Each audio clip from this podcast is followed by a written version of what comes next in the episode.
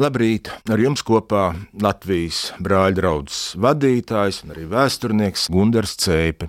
Un mans jautājums ir, vai tu zini, kurš bija pirmais latviešu zināmais publicētais dzinieks? Un atbilde ir Čikuļu jēkabs. Bet to ziņu uzzināja tikai Pagājušā gadsimta 50. gados, pateicoties Aleksējam Apinim, literatūras zinātniekam, kurš Maskavā kādā arhīvā atrada šo iesniegumu, un proti tas pirmais dzējolis ir absolūti unikāls. Tas ir uh, sūdzība Krievijas ķeizarienai, Katrīnai II, par smago stāvokli vidzemes latviešiem unikāli, ka viņš ir rakstīts dzējā, iesniegums dzējā, un plus vēl latviešu valodā viņš ir rakstīts. Kikuļs Jēkabs ir no Hernhūtiešu dzimtes, no ģimenes. Viņš piedzima 1740. gadā, taisn, tad, kad vidzeme bija pārņēmusi tā, tā pirmā lielā varanā atmoda.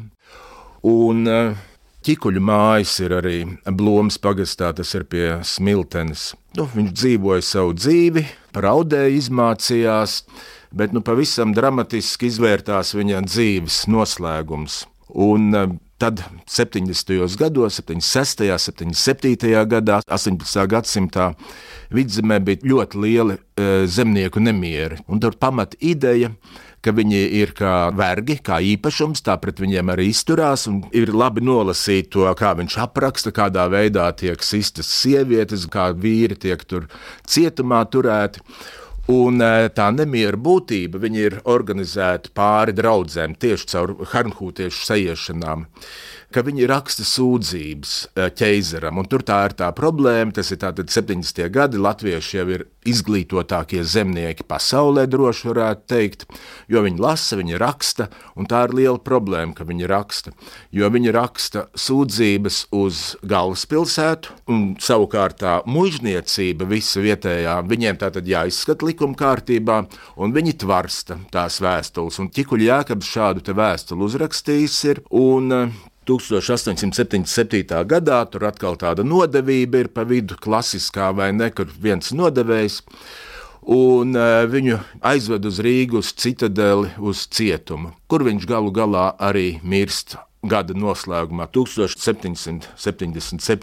gadā.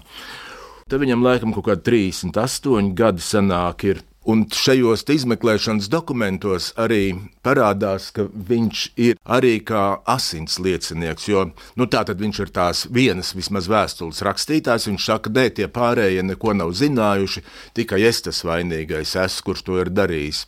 Un līdz ar to mēs viņu varam arī droši saukt, ka viņš uzņemās citu vietu atbildību arī par tādu nu, asins liecinieku vai martīru. Un jā, viņš gada noslēgumā mirst, viņš ir Hernhūtietis, ir, un uh, viņam paliek ģimenīte, viņam ir četri bērni - Liena, Pēteris, Zuzana un Dāvids. Un jaunākā laikam vēl nebija dzimusi, kad viņš jau nomira. Tāds bija tas mūsu latviešu pirmais publicētais dzinieks, kas ir publicēts 1980. gadā e, grāmatā, ko Aleksis Apins sastādījis, saucās Dziesmiņas, Čikuļa Jēkabs dziesmiņas. Un eh, šis pirmais zināmais dzējols skan tā. Jo šī gadā mūsu vidzemītē bez bēdām nav neviena dvēselīte, mūsu zemes valdnieki gaužām dusmo, pār mūsu bēdu dienām viņi līksmo, un solās mūsu kājas rokas nocirst, ka mums būs mūsu tēva zemi aizmirst. Jo daži vēl tiem zvēriem mežā dzīvo un apakš grūtām bēdām nastām cilpo, Iekš tādiem vaidu laikiem dzīvodami, kur katrā dienā asaras par maizi, 39 guļ dzelzīs Rīgā, bez tiem, kas dzīvo mežā zvēru pulkā, iekš cietuma jau daži ir pārdoti, no mocībām iekš mokām atkal likti, un mūsu sievas, mūsu mazi bērni, top mužā luķos gauži vārdzināti, un grūtas sievas, saimi mazi bērni, Tie visi raud un kaut kā jēri kādi. Nu, tas ir daļa no dzējoļa. Dzējolis ir stipri garāks, jā, un viņš ir arī dziedams. Es esmu dzirdējis, ka viņu dzied, tā kā pilnīgi unikāli un ka latviešu valodā tiek rakstīts dzējuls. Tā tad skaidrs, ka tur ir latvieši.